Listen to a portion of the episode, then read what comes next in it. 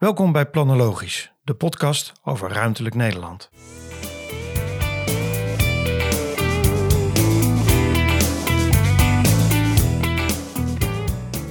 En tegelijkertijd zie je natuurlijk dat er uh, sinds een week of twee uh, ook allerlei organisaties uh, weer hun eigen belangen aan het behartigen zijn. Ja. Lobbyen mag weer.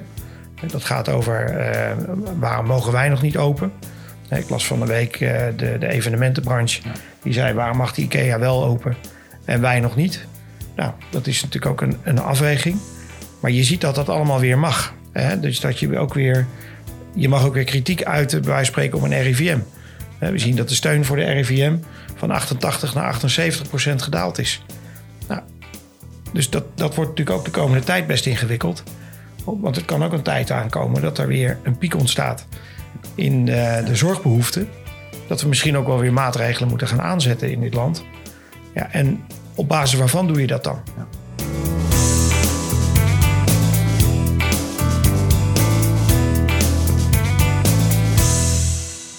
Ja, leuk dat we hier zitten, jongens.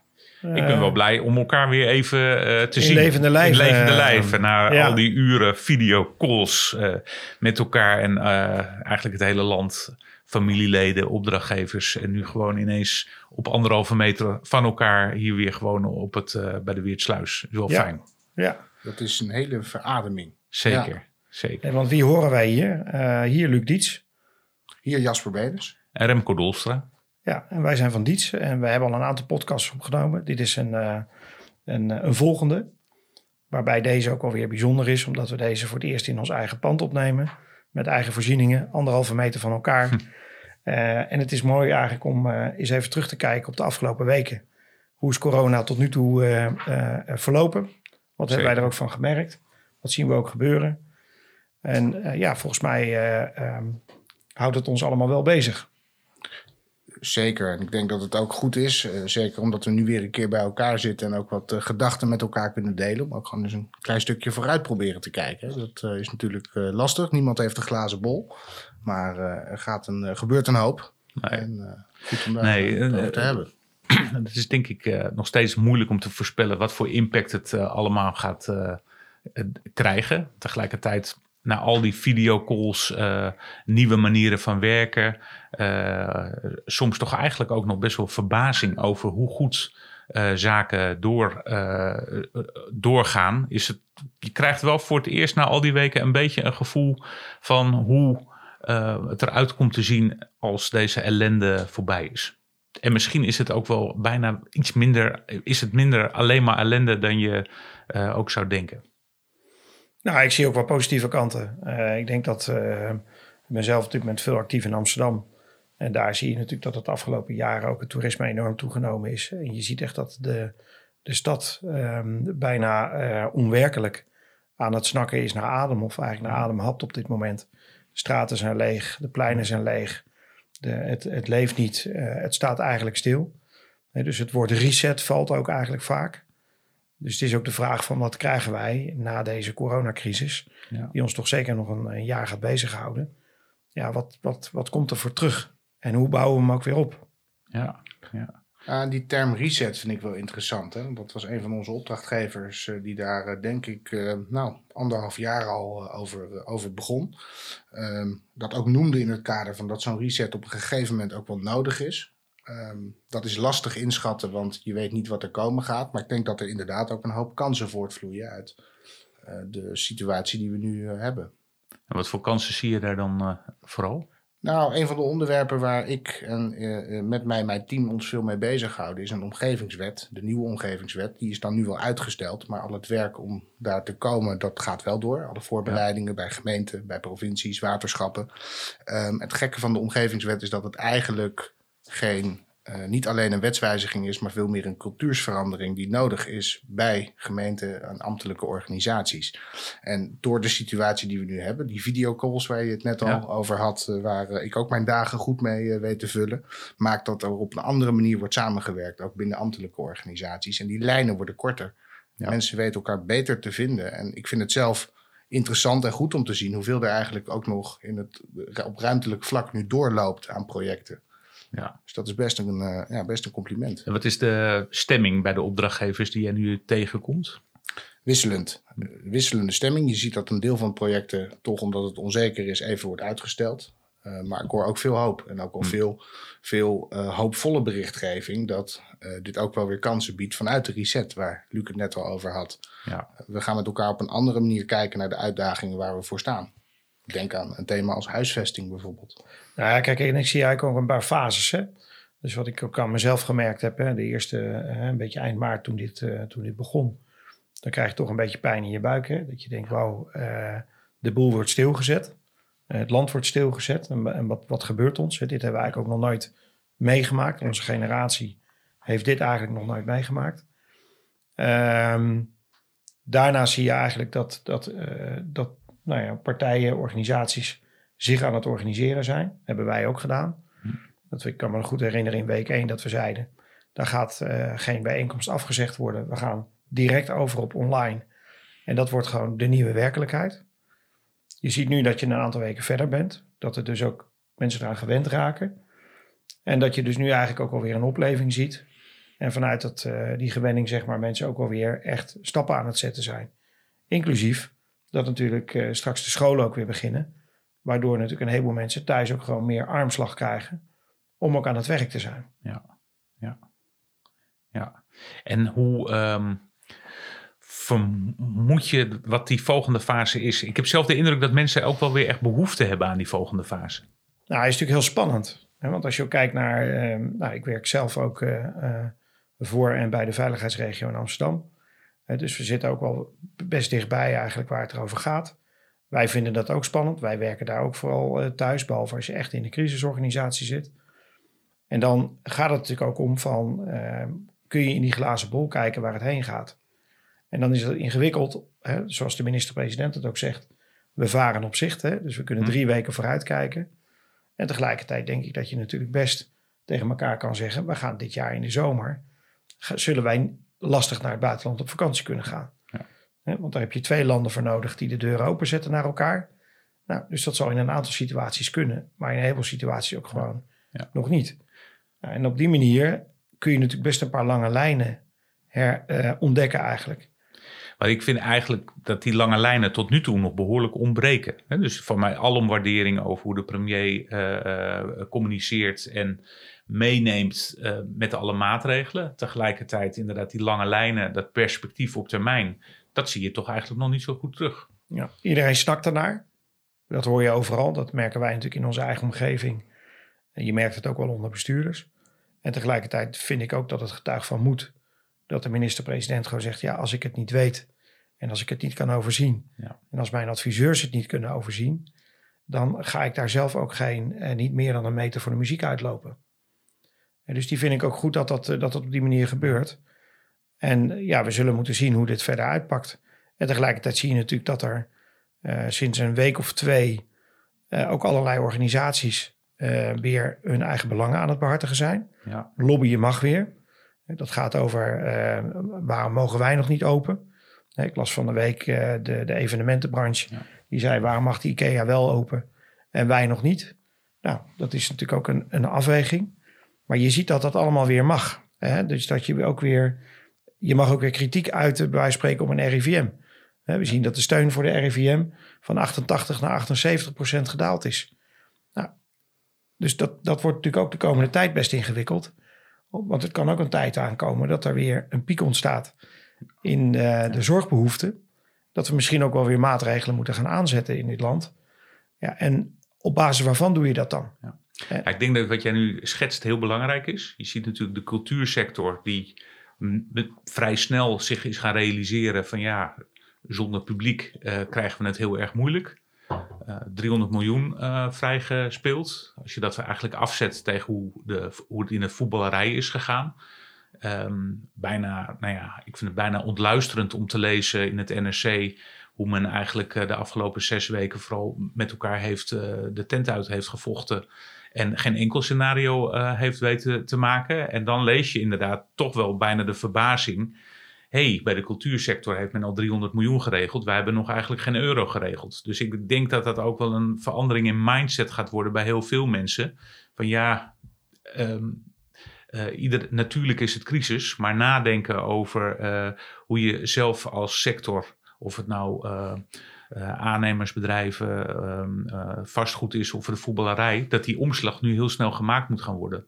En daar vond ik eigenlijk de manier hoe dat bij de voetballerij ging wel heel erg uh, inzichtelijk. Omdat natuurlijk alles wat met voetbal te maken heeft meteen ook in de krant te lezen. Dat maakt het wel heel erg prettig. Ja, wat je ook moet realiseren is dat natuurlijk het aantal gedupeerden straks kleiner wordt. Maar dat ze wel heftiger gedupeerd raken. Ja. dus op het moment dat op een moment de horeca weer dingen mag gaan doen. Eh, of je, er kunnen weer kleine evenementen plaatsvinden. Dan zie je dat een steeds kleinere groepen eigenlijk gedupeerd raakt. Bijvoorbeeld misschien wel de concertzalen of de grote podia. Ehm, of de, de, grote evenementen. Maar die, ja, die raken dan zo heftig gedupeerd eigenlijk. Dat de vraag is hoe je die overeind kunt houden. Ja. Die vind ik ook wel spannend. Ik denk dat dat een uh, hele spannende is. Ik denk dat dat ook een ontwikkeling is. Datzelfde geldt natuurlijk naast de cultuursector ook voor de retail. Waar mensen ook mondjesmaat nu naar binnen mogen. Uh, maar waar je wel echt ziet uh, bij veel sectoren dat de omzetten flink teruglopen. Zeker de mode- en uh, woonbranche. Um, horeca idem, dat loopt ook gigantisch hard terug. En ik denk dat dat straks gaat leiden tot misschien wel een stijging van 30% leegstand in winkelcentra. En die was al best hoog. En de vraag is even, en dat is natuurlijk ja, ontzettend zwaar voor de ondernemers die daardoor getroffen worden. Maar daar ontstaat straks wel een heel ander ruimtelijk speelveld in die centra. Ja. Nou, dat heeft denk ik ook te maken met uh, de, de prijzen die natuurlijk ook, uh, als je hier in onze eigen stad Utrecht kijkt, wat je voor een A-locatie betaalt. Hè? En daar ga je natuurlijk ook op een gegeven moment ook wel echt merken. We hebben natuurlijk jarenlang gedacht dat het in onze binnensteden ons, het niet zou raken. Nou, je ziet dat het ons al aan het raken was. En door corona wordt dat eigenlijk alleen maar verzwaard. Nou, en ik denk ook dat de gewenning bij een hele grote groep om uh, bijvoorbeeld online te shoppen, uh, dat dat ook enorm toegenomen is. En dat mensen dat ook niet zomaar zullen loslaten. Nou, daar komt ook nog een keer bij dat vlak voordat de coronacrisis uitbrak, Amazon intrede uh, kreeg in Nederland. grote speler, dus dat heeft ook al invloed op, op de gehele retailsector, gezien de breedte van het aanbod daar. Dus ik denk dat die effecten, nou, die zullen enigszins cumulatief zijn. Dus die, uh, die zijn straks zeker merkbaar. En ja, het gekke met de uh, A, B of C locaties uh, is dat je, om ze zo te noemen, publiek nodig hebt. En dat is precies datgene dat nu ontbreekt. Ja. ja. Ik zie daar wel trouwens hè, vanuit onze adviserende rol een belangrijke taak ook. Hè. Je ziet um, heel veel bedrijven krijgen het nu natuurlijk gewoon moeilijk. En tegelijkertijd alleen het verhaal gaan houden dat je het moeilijk hebt, daar ga je het niet meer redden. Je moet dus echt gaan zorgen dat je uh, je mind hebt opgemaakt met wat heb ik nou strakjes als we weer allemaal naar buiten kunnen, als die, uh, dat, het virus voorbij is. Wat hebben we ze dan, uh, hoe staat de wereld er dan voor? En wat heb ik op dat moment te bieden? Wat dat betreft zie je sommige uh, belangenbehartigers die eigenlijk alleen maar zitten te, te tamboureren op het feit dat er, dat er weinig geld is hè, en dat, dat, daar steun moet komen. Dat je al op je klompen voelt aankomen hoeveel sympathie er ook voor is. En hoe vervelend mensen het ook vinden uh, dat mensen het niet redden. Vindt natuurlijk niemand leuk om te zien. Tegelijkertijd zal toch over, uh, over een x aantal maanden, waarvan we niet precies weten wanneer dat is, er toch gewoon een harde afrekening gemaakt worden van ja, uh, hebben we je nog nodig uh, of niet? Wat dat betreft vind ik het slim, bijvoorbeeld hier in Utrecht, hoe ondernemers, uh, hoe ondernemers uh, vooral in de horeca, open proberen te blijven. Nog niet eens zozeer van, met het verhaal van we zijn zielig, steun ons op die manier, maar veel meer, en dat is veel aansprekender. Ja, wil je dat we er nog zijn als het weer open is, zorg dan dat we ook deze periode overbruggen. En dat is denk ik een manier van, uh, van denken die we al onze opdrachtgevers ook zo goed mogelijk moeten proberen mee te geven. Omdat het veel inspirerender is dan alleen maar zeggen van dat, dat het moeilijk is. Want ja, we hebben het natuurlijk allemaal moeilijk met elkaar. Nou, daar ben ik helemaal met jou eens. En ik denk dat uh, als, je, als uh, de boel weer open gaat, dat zul je in de horeca ook merken. Ik denk dat dat ook een van de dilemma's is om de horeca weer open te gooien. Is natuurlijk dat er ook een soort effect ontstaat in de samenleving dat er weer een heleboel mag en een heleboel kan. Ja. Uh, tegelijkertijd denk ik wel dat als uh, dit allemaal achter de rug is, dan zal er echt wel weer een groot deel van het openbare leven ook wel weer terugkomen. Ja. Maar het doet wel een appel ook op winkeliers. Wat doe je in die tussentijd? hoe zorg je dat je er bent? Waarbij natuurlijk degene die eigenlijk al ook in staat geweest zijn om dat online kanaal goed open te hebben en dat ook goed te activeren, die hebben natuurlijk een voorsprong op de ondernemers die dat niet hebben. Ja. Wat ik overigens wel aardig vond, hè, wat je ook terugziet. Nou, is voor ons natuurlijk ook een, eh, een wereld waar we veel in zitten. De bouwmarkten, die waren natuurlijk als eerste erbij. En nog voordat het eigenlijk gevraagd werd om een heleboel maatregelen te nemen.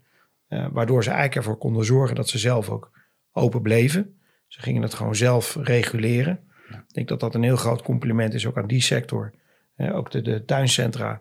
Want daardoor zorg je gewoon dat je open blijft. En dat was natuurlijk ook op dat moment uh, heel belangrijk, omdat een heleboel mensen dat ook als een uitvlucht zagen.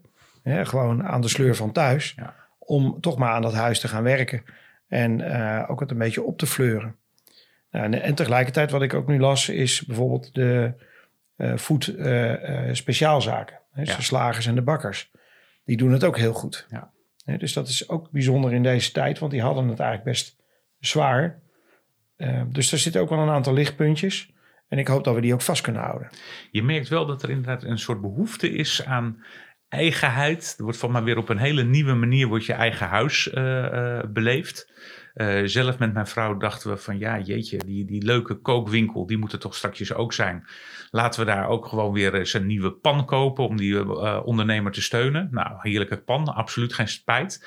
Maar dat helpen van die ondernemer, de, uh, nog nooit zoveel pasta machines verkocht ooit. Dus je merkt ineens mensen juist ook op een andere manier naar hun huis kijken, wat ze daar willen doen. En juist dingen aan het bedenken zijn om daar te gaan doen. Dus sommige ondernemers gaat het wat dat betreft eigenlijk godzijdank heel heel erg goed af. Nou, maar dat merk ik bij ons thuis ook wel. Dat wij, uh, het voorbeeld wat jij aanhaalt, dat hebben wij op een ander vlak. Dat we natuurlijk gewend waren om uh, best regelmatig ook even buiten de deur te gaan eten. Dat kan nu niet. Maar die ondernemers die hebben wel uh, afhaalmenu's. Ja. of die brengen het langs. En dat doen we nu dus gewoon één of twee keer per week. Dus echt vaker dan normaal. Ja. Om daarmee ook die ondernemers te steunen. En dat zie je in het hele land gebeuren. Dat is hartstikke mooi. Ja, zeker. Nou, ik denk ook weer even terug naar de reset die plaatsgevonden heeft. Um, dit gaat ook over een uh, groot deel over solidariteit. Ja. En ik, ik, denk en hoop dat dat iets is dat blijft. Want dat maakt ook wel voor veel ondernemers en um, uh, organisaties dat ze op een andere manier beginnen met samenwerken. Het is niet meer vanaf een eigen eilandje, ook weer naar analogie van zo'n omgevingswet. Je moet elkaar opzoeken, want je hebt een gezamenlijk probleem. En ik vind dat aan de ene kant een hele mooie mindset hier in Nederland. En ik vind ja. het ook echt heel mooi om te zien wat dat in de praktijk inderdaad oplevert met deze voorbeelden. Ja, en ik moet eerlijk zeggen, ik vind het ook wel een, uh, ergens ook wel weer een, een relaxe tijd. Hè? Omdat je natuurlijk toch niet aan het reizen bent, of maar heel beperkt. Uh, je hebt veel minder afspraken buiten de deur, ook met clubjes en noem het maar op. Dus er zit veel minder druk ergens op je agenda. Ik moest wel, ik weet niet hoe jullie dat hadden, ik moest de eerste week enorm wennen aan die calls. Ja. Weet je, dat is dat slopend is dat gewoon. Nou, ik vond de eerste week verschrikkelijk, omdat je merkte dat, uh, nou ja, dat er een hele nieuwe situatie was. En uh, je nog vooral met elkaar bezig was het zoeken naar een nieuwe manier van werken en een nieuwe manier van elkaar uh, vinden. Tegelijkertijd vond ik het wel heel erg indrukwekkend om te zien dat eigenlijk, zowel wij hier in de, op het bureau, maar tegelijkertijd juist ook met de opdrachten, ja, ook wel weer week twee eigenlijk wel dingen weer begonnen te marcheren en dingen voortgang moesten gaan krijgen. Zelf, uh, de grootste klus bij mij is de regionale energiestrategie van Flevoland. Um, ja, in Flevoland uh, heel ver, mooi in het proces. Eigenlijk met ja, de conceptres, de, eigenlijk het bod wat gedaan moet worden van het, uh, voor het klimaatakkoord, al zo goed als af. Het moet alleen nog, er moet alleen nog over besloten worden in de raden. Uiteindelijk niet heel erg niet onbelangrijk. Dus een eerste week denk je wel bijna van ja, maar hoe krijgen we dat nou op de rails? Hoe krijgen we daar nou uh, volksvertegenwoordigers bij uh, betrokken? Eigenlijk merkte je al vanaf week twee dat al die bestuurlijke overleggen met wethouders, gedeputeerden, dat die allemaal uh, doorgingen. En dat je dus eigenlijk die, die besluitvormingsproces gewoon goed op orde bleef houden. Alleen nu in een digitale vorm. En dat vind ik het interessante richting de toekomst. Vanuit de regionale energiestrategie ben je voortdurend aan het nadenken, omdat je weet, straks moet er besloten worden door alle volksvertegenwoordigers in alle verschillende raden, waterschappen en uh, provinciale staten. Hoe trek je die er nou bij? Nou, wel verschillende initiatieven uh, genomen, uh, markten waarbij je de informatie ging uitwisselen duwen en trekken. Nou, in het gunstigste geval had je dan toch nog 20 mensen uh, op een avond. Niet slecht, maar uh, ook niet uh, heel erg massaal weten dat er toch 280 volksvertegenwoordigers in Flevoland zijn. Ja, ineens kom je dan op het idee van een webinar. Ehm, ehm, stoom en kokend water georganiseerd. Aankondiging binnen een week. En 60 volksvertegenwoordigers die daar toch een uur lang alle vragen hebben kunnen stellen en, en um, ja, zich hebben kunnen informeren hoe ze nu gaan besluiten. En dat vond ik wel heel erg leuk om te merken. Dat je denkt van, dat gaan we dus vaker doen. Dat zijn dingen die we gaan onthouden voor de toekomst. Maar dat had jij volgens mij dag twee van de coronacrisis. Had jij al zo'n bijeenkomst in Eenhankhuizen online? Ja, nou dat klopt. Sterker nog, dat was twee dagen voordat de maatregelen genomen werden. Um, hadden wij daar eigenlijk al besloten van nou, laten we voorzichtig zijn met fysiek bijeenkomen. Uh, en laten we de bijeenkomsten die we gepland hebben vooral digitaal doen. En uh, dat ging eigenlijk bijzonder goed. Je merkt aan de ene kant dat mensen het uh, waarderen dat je gewoon aandacht voor ze hebt. Dat iedereen heeft begrip voor de situatie. Dus het is ook alweer bijzonder als je ondanks deze tijd wel met elkaar gewoon dat gesprek blijft voeren. Dat gaat over uh, een gevoelige ontwikkeling daar. En uh, dat zijn natuurlijk bijna alle projecten waar we bij betrokken zijn. En gaat dat gesprek nou ook gewoon aan? Doe dat digitaal. Dat werkt goed. daar is heel veel mogelijk. Ik vind het ook wel leuk om te zien ook hoe we hier in staat zijn uh, met het team om uh, heel veel verschillende tools online te testen. Ja, om ja want jouw club beetje... heeft daar ook een paper voor gemaakt, geloof ik. Hè? Klopt, klopt. We hebben een uh, whitepaper geschreven over welke tools je kan gebruiken voor online participatieprocessen. ook om het een beetje interactief en leuk te houden. Want om even terug te komen op die eerste vraag net, Luc. Ik vond de eerste week eigenlijk vrij relaxed, maar ik ben nu heel eerlijk gezegd drukker dan ooit. Hmm. Uh, hmm. Vind ik ook hmm. ergens superleuk, want ik spreek uh, denk ik mijn opdrachtgevers en ook de belanghebbenden in de, vanuit de participatieprocessen meer dan ooit. Um, iedereen wendt aan ja. de online realiteit. En dat is vrij snel gegaan als je mij vraagt. Ik ja. vind het enorm leuk. Vind het ook wel weer leuk om straks gewoon weer uh, fysiek toch wat eh, gesprekken uh, te organiseren. En dat, dat doen we op dit moment ook gewoon, hè, mits het maar kan volgens de normen. Dus ik denk dat we met die twee opties aan de ene kant toch slimmer worden met z'n allen in die online en digitale mogelijkheden. En daar waar het kan, toch ook wel de, de echte gesprekken blijven voeren, gewoon fysiek. Nou, dat, uh, dat in principe niet stil hoeft te vallen. Nee. Nou, wat ik wel bijzonder vond is. Uh, ik werk ook, uh, of ik werk in, ben voorzitter van de werkplaats Overvecht, een groot project. Waarbij we eigenlijk eh, met tien marktpartijen een plan maken voor de transformatie van die wijk hier in, eh, in Utrecht. En die hebben een heel actief wijkplatform. En dat wijkplatform heeft dus eens in de zes weken een bijeenkomst. En die hebben eigenlijk hun eerste bijeenkomst waar dat nodig was. Gelijk zijn ze online gegaan. En er waren gewoon 66 uh, wijkbewoners die dus gewoon in die online meeting zaten. En dat je eigenlijk denkt van joh, die bijeenkomsten lopen eigenlijk super efficiënt. Ja de vergaderorde is nog makkelijker uh, te doen. Want je zet iemand gewoon uit en je zet iemand aan. Ja. Dus uiteindelijk kun je gewoon heel goed sturen wie er, uh, uh, wie er aan het woord is. En je merkt eigenlijk dat ook mensen zorgvuldiger hun woorden wegen wat ze zeggen. en dus een moment kiezen om iets te zeggen en daarna ook weer hun mond te houden. Dus ik merk ook gewoon in alle calls die ik doe dat het veel efficiënter gaat. Ja, En die efficiëntie heeft ook nog wel een ander voorbeeld, voordeel. Dat ik merk dat mensen die je normaal moeilijk te pakken krijgt, wethouders die je toch uh, in ons vakgebied toch vaak even het liefst zelf wil spreken. Uh, een appje en een telefoontje. En het is meestal toch wel binnen twee, drie uur dat je iemand daadwerkelijk aan de lijn hebt. Terwijl dat eigenlijk in het uh, pre-corona-tijdperk, daar gingen soms wel eens uh, uh, een week overheen, omdat je toch eerst vooral ook door dat, door dat secretariaat heen moest ja. beuken. En de, de bestuurders natuurlijk gewoon van de ene in die andere vergadering zaten. Dus dat vind ik, dat vind ik ook wel een voordeel waarvan ik hoopt dat dat op de een of andere manier ook behouden blijft. Hoe moeilijk dat ook wordt. Want helemaal eens met Jasper dat het liefste, je wil wel weer echt ook wel weer meer mensen zien dan, dan nu. Wat ik ook wel bijzonder vind in deze tijd hè, is, we zijn natuurlijk uh, met z'n allen er eigenlijk ingevlogen. En daarna, dat begon natuurlijk in Brabant. Toen leek het nog een ver van ons bedshow. Waar ik daarvoor China, Italië. Ehm, maar ook in ons eigen land zie je dat natuurlijk ook de knop omging. En gelijk iedereen het er op tv ook over had. Ik weet nog wel het eerste er was gisteravond uh, toevallig ook weer een uitzending over feiten en fabels rondom corona. Dat ik de eerste keer dat ik dat zag op tv, toen zat ik nog helemaal niet in die mindset van dit is iets.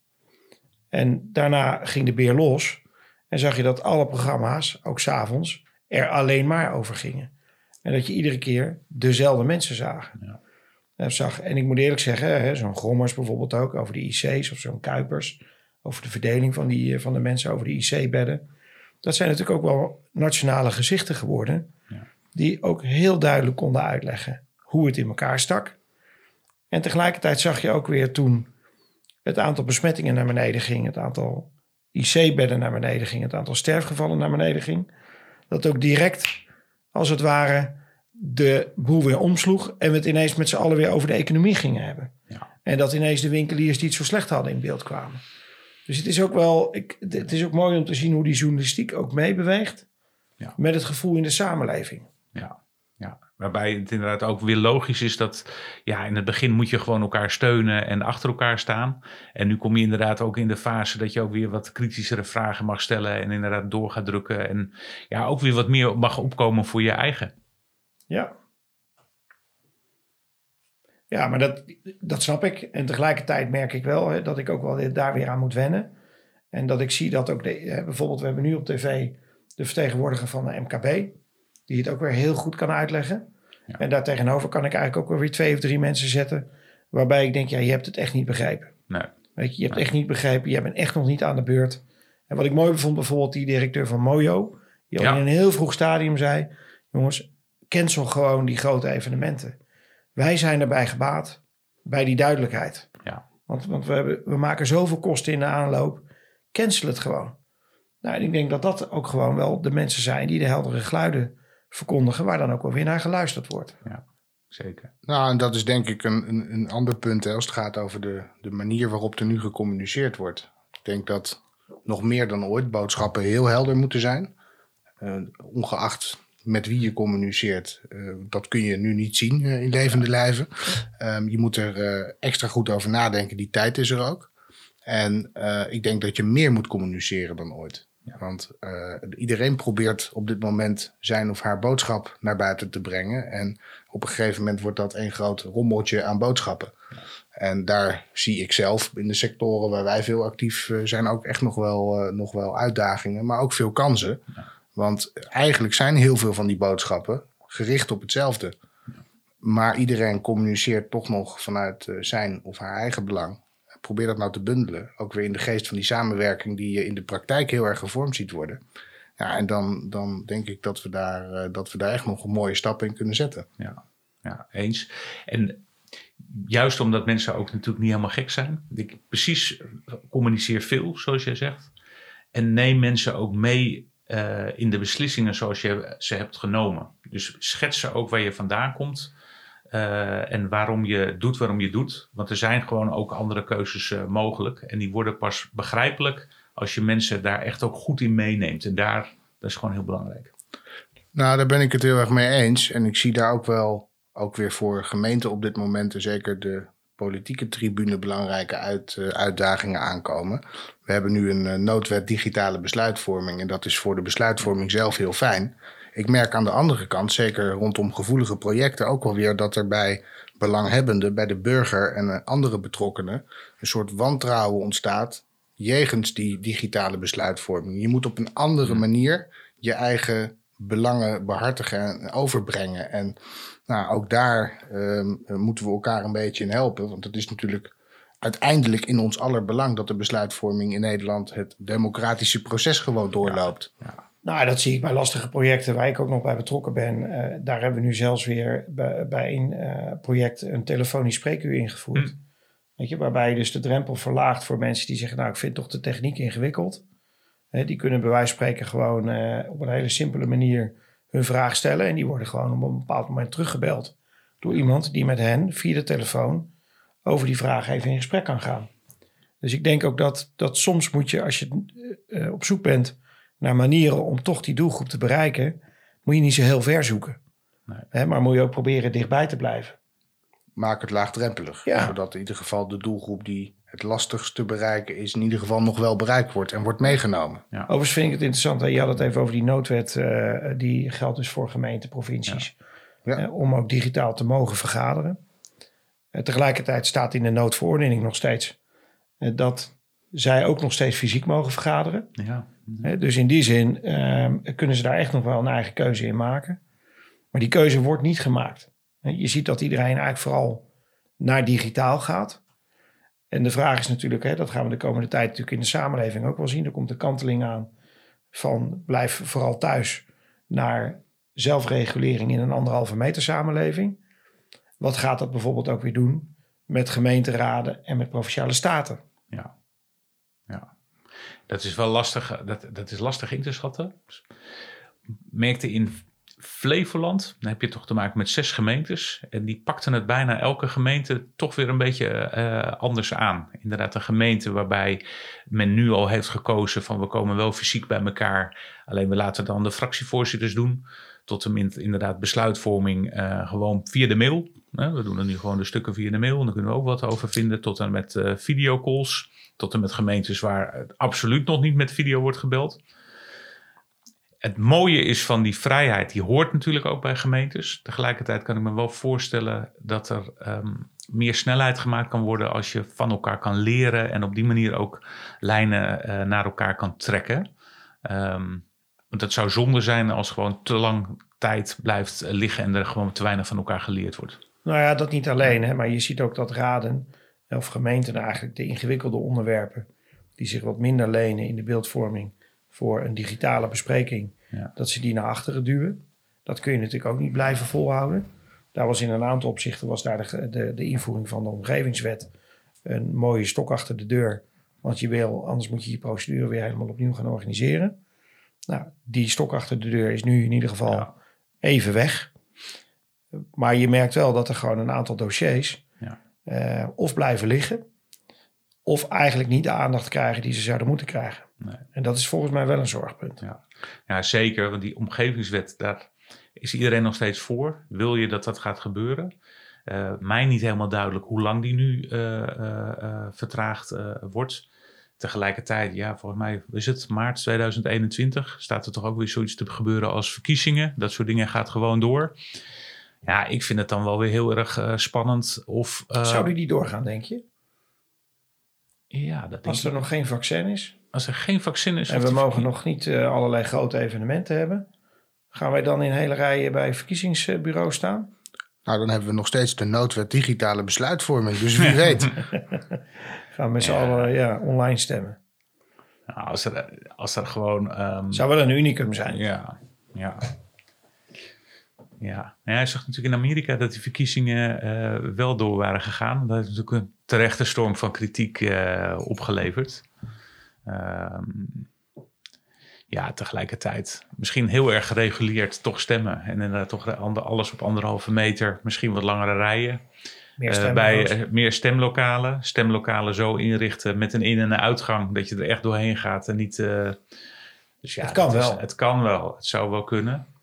Um, het zou denk ik uiteindelijk ook wel, het zou uiteindelijk ook wel goed zijn. Ik denk dat er, dat er niemand echt belang bij heeft om het niet te doen.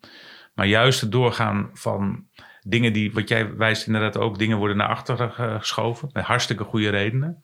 Het zou natuurlijk wel ingewikkeld zijn als daardoor Um, uh, waar nu corona een, een, issue is, waardoor niet besloten wordt. Straks verkiezingen een issue wordt waarom niet besloten wordt. Nou ja. er zijn toch gewoon, behalve corona, een omgevingswet, maar ook alles wat te maken heeft met klimaat. Uh, dat is natuurlijk niet allemaal, is natuurlijk niet allemaal weg. Het moet allemaal wel gewoon door uh, blijven gaan. Nou ja, de Kamer vergadert alleen maar over corona. Ja. De Eerste Kamer vergadert eigenlijk niet. Nee. ook omdat een groot deel van de senatoren eigenlijk ook tot de risicogroep behoren. Bijzonder genoeg. Ik heb hier niet om gelachen. Maar ja, nou ja, dus dat is dat. dat uh, ik vond dat een vrij kordaat besluit. Ja. Eigenlijk al vrij snel om te zeggen, nou, die komen dus niet meer bij elkaar. Ja. Die zijn nog één keer bij elkaar geweest vanwege die noodwet. Ja. Um, dus het is toch bijzonder dat daar ook een hoop dingen blijven liggen. Dan heb je straks nog een najaar van een maand of drie, vier, totdat normaal gesproken de verkiezingscampagnes beginnen. Ja. 1 januari 2021. Nou, dus dat, wat ga je dan in die periode nog doen? Nou, dus het wel, komt wel een interessante tijd aan. En tegelijkertijd ook op gemeentelijk niveau komt natuurlijk een hele interessante periode aan. Dat heeft gewoon te maken met hoe uh, blijven we in deze crisis hangen? Ja. Gaan we zo meteen weer over naar herstelfases? Nou, en hoe gaat dat er ook uitzien? Precies wat je zegt, die herstelfases. Daarom kan het eigenlijk niet zo zijn dat uh, democratische besluitvorming op zo'n laag pitje komt te staan. Kijk, tot nu toe zijn uh, de sluizen opengezet. Hè, steun voor alles en iedereen uh, die dat nodig had, um, in, grote mate. natuurlijk ook ehm, belastinginkomsten die vaak worden opgeschot hartstikke logisch. Ik denk dat iedereen daar voor nu ook hartstikke voor is. En tegelijkertijd, het gaat natuurlijk zo ontzettend hard. Uh, dat is niet jarenlang uh, vol te houden. Dus er komt gewoon een moment dichterbij waarbij er toch ook weer moeilijkere keuzes gemaakt moeten gaan worden. Ja, en daar heb je toch in Nederland die democratische legitimering wel echt voor nodig. Dus ik verwacht ook dat die, dat die debatten daarover anders gaan worden. Waarbij iedereen nu inderdaad terecht nog zegt van ja, de, wat gedaan moet worden, wat overeind gehouden moet worden, uh, moet gebeuren. Je zag wel voor het eerst Klaas Knot daar natuurlijk wel over op wijzen van ja, maar wat ooit heel erg rendabel was, hoeft dat in de toekomst misschien helemaal niet meer zo te zijn. Natuurlijk een hele harde, nare boodschap, maar wel ook een reële boodschap. En daar krijg je dus gewoon weer politiek debat uh, over en keuzemogelijkheden. Die mogelijkheden moeten er wel echt zijn. Nou, tegelijkertijd geloof ik ook wel in dat we um, daar zelf ook met z'n allen een rol in hebben. Zeker. Op het moment dat we met elkaar, elkaar gaan vertellen dat er straks weer een, een huizencrisis uh, ontstaat, een woningcrisis. Ja. Um, niet zozeer vanwege tekorten, maar vanwege uh, het feit dat de, de prijzen terug, teruglopen of hypotheken onder water komen te staan, dan gebeurt dat ergens ook. En voor nu loopt het nog best goed door. Dat blijkt ook wel uit de, de cijfers van de NVM. Uh, er worden nog relatief veel woningen verkocht. Um, je ziet dat er ook nog veel projecten in planvormingsfase nu um, nou, voorbereid worden. Ja. Het is wel een vrees, als ik hem even vanuit een van de sectoren waar we veel voor werken bekijk, dat vanuit de, het stilleggen van die besluitvorming dat soort processen nu in de vertraging komen.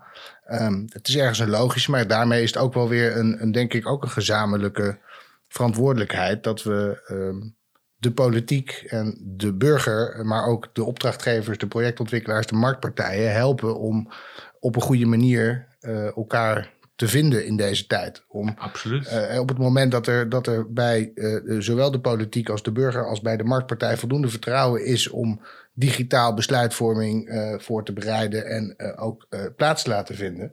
En de burger voelt zich daar voldoende in meegenomen en betrokken. En daarmee kan de politiek de belangenafweging maken die ze moeten maken.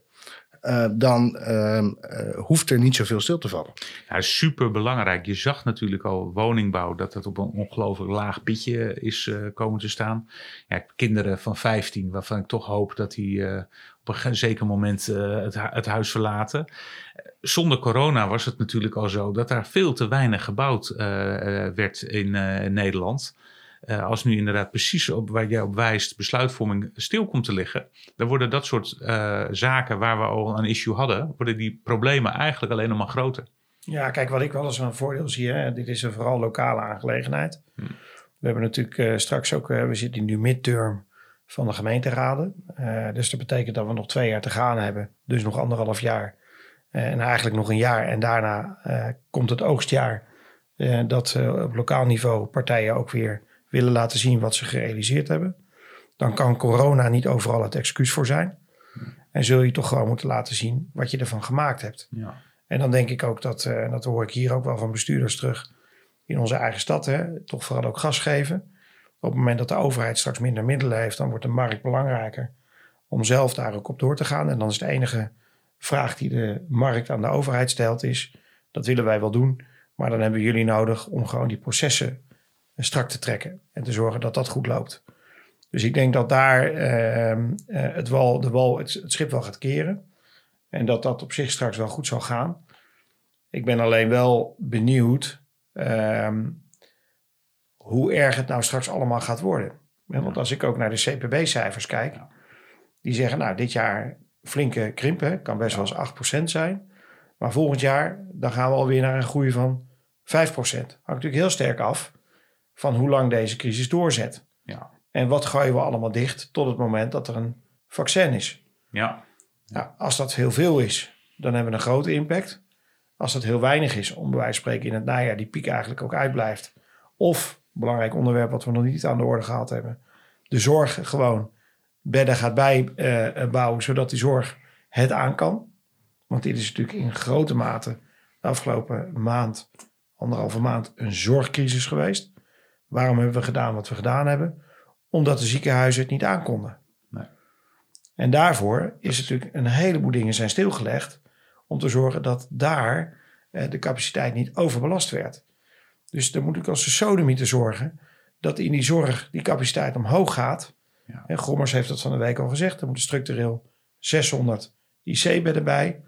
Nou, dat is natuurlijk cruciaal en misschien al wel 800 of 900. Omdat wat dat kost, is natuurlijk vele malen minder dan de rekening die we op dit moment met z'n allen betalen. Ja, ik ben super benieuwd hoe, hoe dit soort inzichten, hoe lang die blijven bestaan. We hebben natuurlijk juist uh, trots, uh, behoorlijke trots in Nederland, hoe efficiënt we de zorg hebben, uh, hebben georganiseerd. Het was natuurlijk jarenlang zorgpunt dat er te veel geld werd uitgegeven aan de zorg. En vervolgens zie je dat eigenlijk dat, dat, een beetje in de klauwen begonnen te krijgen. En dan krijg je ineens een virus. Dan kom je er ineens achter dat we inderdaad alle lucht uit het systeem weg hebben gehaald. Waardoor het wel heel efficiënt is, maar inderdaad weinig veerkracht. Maar dit, is wel precies, dit is wel precies zo'n heel politiek issue uh, waarvan ik heel benieuwd ben wat voor vervolg dat gaat krijgen. Nou ja, kijk, en normaal gesproken heb je een flitscrisis. Dan spreekt iedereen de schande van. Ja. Bijvoorbeeld de cafébrand Volendam. Gelijk zie je dat er veel meer gekeken wordt naar de brandveiligheid in dat soort cafés. Ja. De vuurwerkramp Enschede. Gelijk zie je dat dat niet meer kan in binnensteden. Dat was een hele korte, hele heftige knal. Uh, met ontzettend veel leed. Maar dat zag je heel snel in de periode daarna weer weg hebben. Ja. Nu heb je te maken niet met een flitscrisis, maar iets wat ons lang bezighoudt. Wat ons echt ook wel beïnvloedt en iedereen beïnvloedt. En dat binnen die periode dat het speelt, eigenlijk het debat erop, erover, ook gevoerd gaat worden. Dus dat is heel interessant, want we gaan nog in deze crisis Ja. het debat voeren over hoe we dit op de langere termijn beter willen organiseren in dit land. Ja. Ja. Dus ik, ik hoop dat dat in ieder geval niet teweeg brengt, wat jij ook suggereert, dat we het heel snel weer vergeten zijn Nee. wat we met elkaar eigenlijk moeten oplossen. Hetzelfde geldt natuurlijk voor mondkapjes. We hebben bunkercomplexen in Nederland leegstaan. eh, waar vroeger alle spullen voor onze dienstplichtige soldaten in stonden. Die kan je tot aan de rand afvullen met mondkapjes. Die eten niks, die doen niks, er gebeurt niks mee. Die zijn 100 jaar houdbaar. Daar kan je er 16 miljoen van kopen. Want het is eigenlijk natuurlijk een godspe dat we dat gewoon niet hadden staan. Ja. Terwijl er al 10 jaar gewaarschuwd wordt voor zo'n eh, eh, pandemie. Gelukkig hadden we het met wc-papier dan wel gedaan. Dat is dan gelukkig nog wel weer een... eh, een eh, geluk. Ja, en maar, dit, maar dit zijn wel, weet je, volgens mij is het natuurlijk leuk dat we het zo met elkaar bespreken. Hè? Eh, want eh, nou, het is ook een beetje leeglopen volgens mij over hoe we de afgelopen weken zelf beleefd hebben. Volgens mij is dit vooral een hele therapeutische podcast eh, Voor onszelf. voor onszelf. Ja. Nee, dus het, eh, maar het is misschien leuk om nog eventjes te kijken naar een tip. Eh, per, nou ja, per, per doelgroep waar wij ook een beetje actief in zijn. Ehm, als ik misschien maar beginnen. Hè, ik, ik, ik werk zelf natuurlijk veel in het veiligheidsdomein. Doen we met een aantal collega's inmiddels. Hè, dus we zijn met meerdere collega's daar ook in actief. Ehm, wat ik heel erg belangrijk vind, er werd er straks al even iets over gezegd. Over dat je veel moet communiceren. En ik denk dat je wat, wat je vooral ook moet doen, is dat je de mensen steeds meer mee moet nemen in de dilemma's die er zijn. En dat je dus echt iedere keer ook laat zien, eh, dit opengooien is dit veroorzaken. En dat je dus met elkaar ook heel bewust bent van wat dat is. Ik denk dat dat heel belangrijk is. En een ander punt eh, waar je volgens mij eh, goed naar moet gaan kijken, wat wij ook wel een beetje noemen, is wat is de veerkracht van communicatie? Dus als je ziet dat de samenleving eigenlijk alweer zichzelf aan het versoepelen is, hè, om het maar even zo te noemen. Wat is dan nog de impact die je met communicatie kunt maken als je de afgelopen vijf weken eigenlijk al all-out gegaan bent met je communicatie. Ja. dat betekent dus dat je ook moet gaan differentiëren in doelgroepen. Dat je moet gaan differentiëren in toon. Dat je soms ook gewoon even moet terugschakelen om daarna weer op te kunnen schakelen. Nou, dat zijn voor mij, als ik het heb over het veiligheidsdomein, gemeente, veiligheidsregio's, volgens mij twee belangrijke dingen. Hoe zie jij dat uh, in jouw omgeving? Nou, ik, uh, ik, ik zou mijn, uh, mijn tip voor vandaag dan vooral willen richten op het fysieke domein, waar we natuurlijk met, met mijn team veel actief zijn. Um, en ik denk dat daar voor de vastgoedsector, ook voor projectontwikkelaars, nu wat mij betreft het advies is, begin te handelen in de geest van die omgevingswet. En begin dus nu al met elkaar benaderen, zoek kansen op, zoek de mensen op uh, in wiens leefomgeving uh, er straks mogelijk iets moet gebeuren. Hou ook de, de opgave van morgen voor ogen. Denk aan die woningbouwopgave. Denk aan het feit dat we nog steeds te weinig middeldure en sociale huurwoningen hebben. Dat is een, een, een doelgroep waar de vraag straks echt blijft bestaan. Um, en, en, en voer dat gesprek. Maar wees ook niet in je eigen organisatie gekeerd op dit moment. Omdat je elkaar de hele dag spreekt, maar treed naar buiten toe. Zoek de mensen op, ga met de gemeente in overleg, zoek naar kansen en, en, ja, pak gezamenlijk de handschoen op en uh, zet er gezamenlijk de schouders onder. Dan zijn we denk ik begin volgend jaar met z'n allen al aan het handelen in de geest van de omgevingswet. En dat zou heel fijn zijn. Nadeel van tips in, het, in het laatste rijtje. Ik wil de allerbelangrijkste is inderdaad, houd, inderdaad, houd contact met elkaar, leer van elkaar. En wees bezig met scenario's. Het is gewoon een nieuwe situatie en blijf gewoon nadenken van waar het naartoe gaat. En speel daar gewoon op een goede strategische manier uh, op, op in. En wees voorbereid. En als je dat allemaal goed in de klauw hebt, dan ben je vervolgens ook weer in staat om perspectief te schetsen. Zowel voor jezelf, in je eigen bedrijf, met je eigen opdrachtgevers en ook, uh, en ook maatschappelijk. En als je al dat soort draden pakt, ja, dan gaan we hier toch weer op een hele bijzondere manier met elkaar uh, uitkomen. Ja, volgens mij was dit een mooie afronding. Uh, zo eventjes uh, tips vanuit de drie hoeken.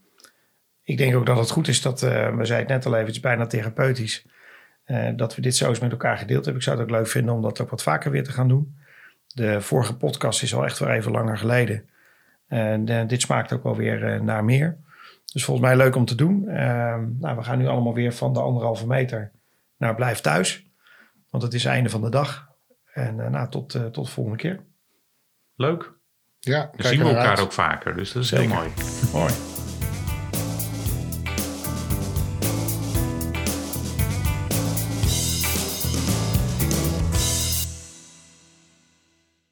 Dankjewel voor het luisteren naar Planologisch. De podcast over ruimtelijk Nederland.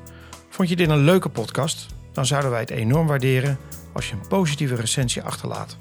Planologisch wordt ontwikkeld door Diets Strategie en Communicatie uit Utrecht.